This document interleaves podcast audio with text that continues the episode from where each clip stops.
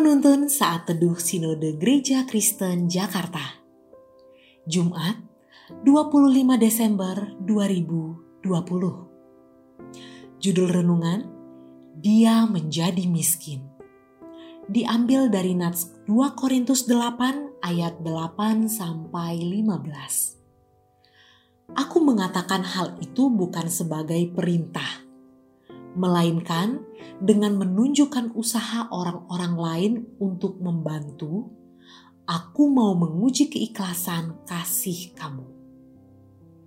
Karena kamu telah mengenal kasih karunia Tuhan kita Yesus Kristus, bahwa Ia yang oleh karena kamu menjadi miskin sekalipun Ia kaya, supaya kamu menjadi kaya oleh karena kemiskinannya. Inilah pendapatku tentang hal itu yang mungkin berfaedah bagimu. Memang sudah sejak tahun yang lalu kamu mulai melaksanakannya dan mengambil keputusan untuk menyelesaikannya juga. Maka sekarang, selesaikan jugalah pelaksanaannya itu. Hendaklah pelaksanaannya sepadan dengan kerelaanmu, dan lakukanlah itu dengan apa yang ada padamu Sebab jika kamu rela untuk memberi, maka pemberianmu akan diterima. Kalau pemberianmu itu berdasarkan apa yang ada padamu, bukan berdasarkan apa yang tidak ada padamu.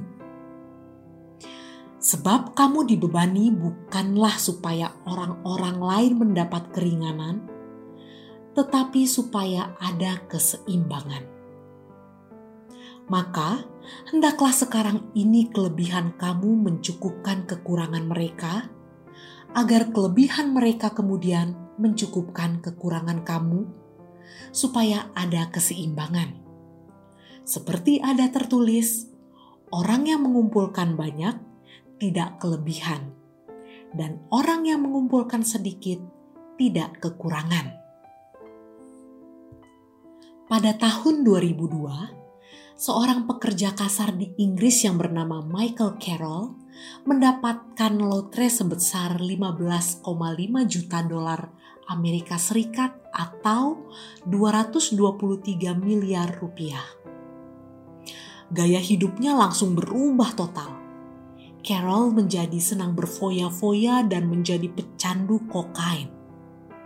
Seluruh uangnya dihabiskan dalam rentang waktu 8 tahun tak ada yang tersisa dari kekayaannya.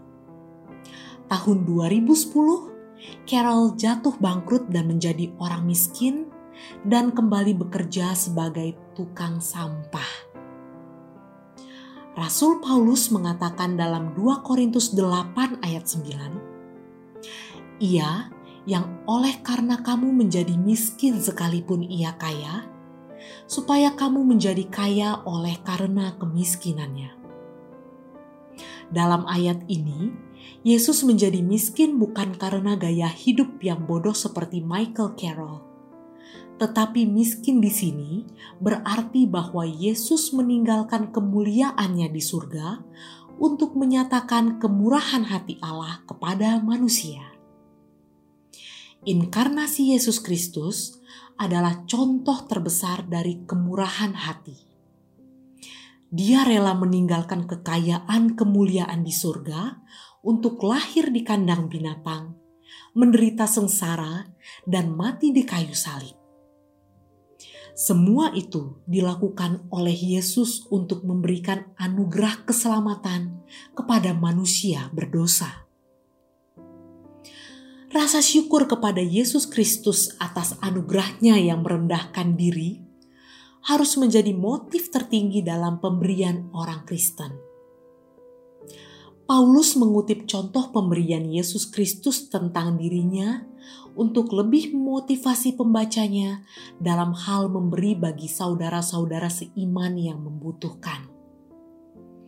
Orang Makedonia memberi ketika mereka sangat miskin, tetapi Kristus memberi ketika Dia sangat kaya Kedua contoh ini menegaskan kepada kita bahwa memberi adalah anugerah yang harus diwujudkan oleh orang kaya dan orang miskin.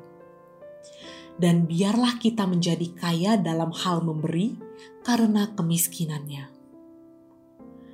Kita harus memberi kepada orang miskin karena kita sendiri hidup di atas pemberian Tuhan Yesus Kristus.